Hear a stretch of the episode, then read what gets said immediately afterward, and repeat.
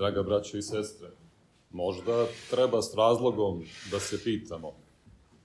Govorimo stalno o ljubavi. Čujemo sa crkvenih propovedaonica, sa katedri, sa predavanja, radio emisija. Stalno govorimo o ljubavi i šaljemo poruku ljubavi. Našu hrišćansku poruku ljubavi. Evo koliko pre par sedmica govorili smo o praštanju, o ljubavi, o pokajanju, Bogu koji je ljubav. I sada odjednom govorimo o sudu i to kakvom strašnom, kako se naziva ova nedelja, nedelja strašnog suda.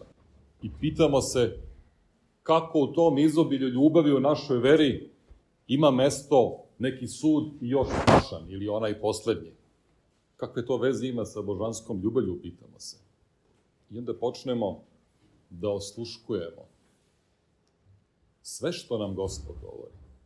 Ne samo jedan segment, jer tu leži preva i obmana, nego sve što nam crkva govori i sve što nam Gospod govori. I onda osluškujemo kao što osluškujemo prirodu. I polako te reči dolaze do našeg srca. Jer i ovo danas što govorimo, o ovom sudu, i to strašnom, kako čujemo, opet govorimo o ljubavi. Ni manje ni više. Juče je dan posvećen bio sećanju na mrtve. Izlazili smo na groblja, posjećivali naše najdraže koji više nisu sa nama, ovde u ovom privremenom obitavalištu. I to činimo zašto? Opet iz ljubavi. Molimo se na panihidama, parastasima, na opelima, molimo se u našim srcima. Zagrlimo taj krst i poljubimo tu sliku na spomeniku. Zašto to činimo? Opet iz ljubavi. I svaka molitva za one koji su usopši, usnuli ili mrtvi, kako ih više ne nazivamo, već samo usnulima, je naša potvrda, naše svedočenje o njihovom spasenju, spasenju naših bližnjih, spasenju onih koje volimo ne prosto zastupništvo i opraštanje grehova, ne, nego naša potvrda nas kao crkve da su oni spaseni. Kako to činimo? Iz ljubavi, veđajući za Hrista, podsjećajući da su u Hristu. I ta stalna molitva za mrtve, za usnule, za naše najdraže, molitva je u Hristu, jer onaj ko je sa Hristom taj ne može nestati i umreti. To propoveda naša vera ne propoveda strah, ne propoveda beznađe, ni strah prema Bogu, ne, već ljubav prema Bogu i ljubav prema bližnjem. O ovome i danas govori ovo evanđelje. Šta su pravednici odgovorili gospodu? Gospode, kada te to vide smo gladna i nahrani smo, ili žedna i napoji smo, kada te vidimo strana i primi smo, ili gola i odenu smo, Kad li te vide smo bolesna u tamnici i dođu smo ti. A Hristos govori zapravo o nama, o našim bližnjima. O toj brizi govori Gospod. Matuška Julijana Šmema napisala je knjigu Moj životni put sa ocem Aleksandrom i jednom momentu dok su bili mladi, otac Aleksandar je bio stalno odsutan. Jednom trenutku ona videvši potrebu za porodicom, potrebu za njim, da budu zajedno, upitala ga je onako ljudski, možda i pomalo ljutito, ko je moj bližnji? Misleći, možda, pa dobro, gde si ti? Ko je moj bližnji? A on se onako zatečeno u jednom momentu samo krenuo i rekao, pa dobro, to je bar jednostavno. Tvoj bližnji je onaj koji se upravo našao ispred tebe. Sećate se kušača koji kuša gospoda i pita ko je moj bližnji? Pre nekoliko nedelja smo imali evanđelje o kome smo govorili, upravo na tu temu. Dakle, onaj koji se upravo našao ispred tebe. Dakle, moj bližnji nije humanitarna organizacija koja prikuplja za gladne u Siriji, na primer, ili u Etiopiji. To ne znači da je to loše. Ali to ponekad znači da mi to radimo iz glave, psihološki, da dokažemo nešto sebi, a možda i drugima. Ali kad je moj bližnji, onaj koji se našao ispred mene, kao milostivi samarjani, onaj tog trenutka koji je ispred mene, onda više ne radi siha već srce. Iako to ne činimo iz ljubavi, kao da ništa nismo učinili.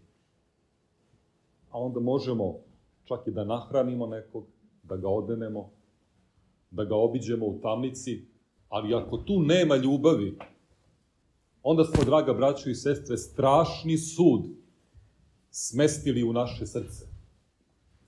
To je taj strašni sud. Mi smo ga kreirali i smestili duboko u sebi i živimo sa njim.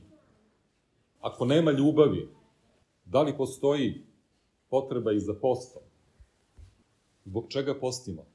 Zbog straha, zbog zdravlja, zbog straha od smrti, zbog straha od strašnog suda, ili to činimo jer volimo Hrista i crkvu, ili to činimo iz ljubavi. Ako činimo iz ljubavi, onda se ne pitamo kad to post počinje i kad se završava, već u tom blagoslovenom delu godine uživamo kao u nebeskom prazniku koji nam se otvara. U dverima carstva nebesko koje nam se nagoveštava u ikoni, onako kako možemo da ga nazremo i samo jednim delom svoga bića okusimo samo deo tog nebeskog carstva kroz takvo blagosloveno sjedinjenje sa gospodom u ljubavi i već je radost tolika da je ne možemo otrpeti, već je radost tolika da nam potpuno obuzme naše srce i našu dušu. A samo se radi o deliću radosti koje nas očekuje u nebeskom carstvu. Ali ako u nama ne obitava ljubav, nema te radosti. Postoji samo briga, postoji samo bol, postoji samo patnja.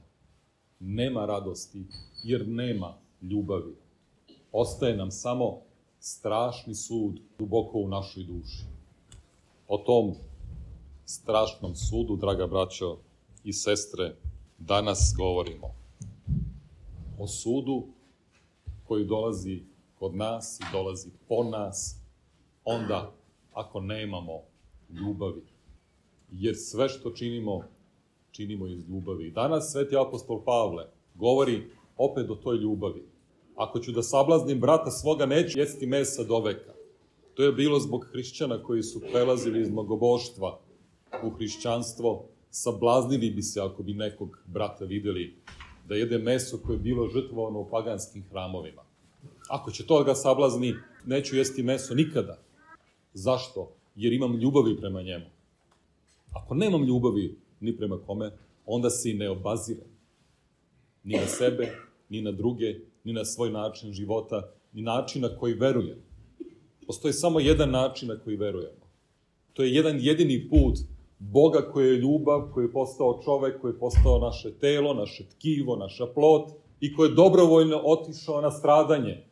Osetio bol, patnju, udarce, muku, konačno i krsnu smrt da bi vaskrcao iz mrtvih. To je Bog koji voli čoveka. To je Bog koji je slobodan. To je Bog koji zaobilazi logiku ovog sveta. To je istinski Bog Izrailjev. U tog Boga, draga braća i sestre, mi verujemo. Ne u našu predstavu Boga i Hrista koja često može da bude obmana, kreirana u našoj glavi, onako kako to mi želimo, pa i Boga i Hrista prilagođavamo sebi i sobstvenim potrebama. I ta laž je jako podmukla i prisutna među nama. Ali onda kad smo slobodni i kroz ljubav verujemo i kroz ljubav delujemo, kao što se traži u ovom evanđelju, da prepoznamo u bližnjem njegovu bol, njegovu patnju, njegovu muku, da ga zagramo, da ga pitamo kako je i da li mu šta treba, onda ljubav deluje sa nama, e to je vera u Hrista, to je priprema za časni i veliki post. Onda, kad to smestimo u sobstvena srca, u našem srcu neće biti mesta za sud, pa ni za ovaj strašan. Amin.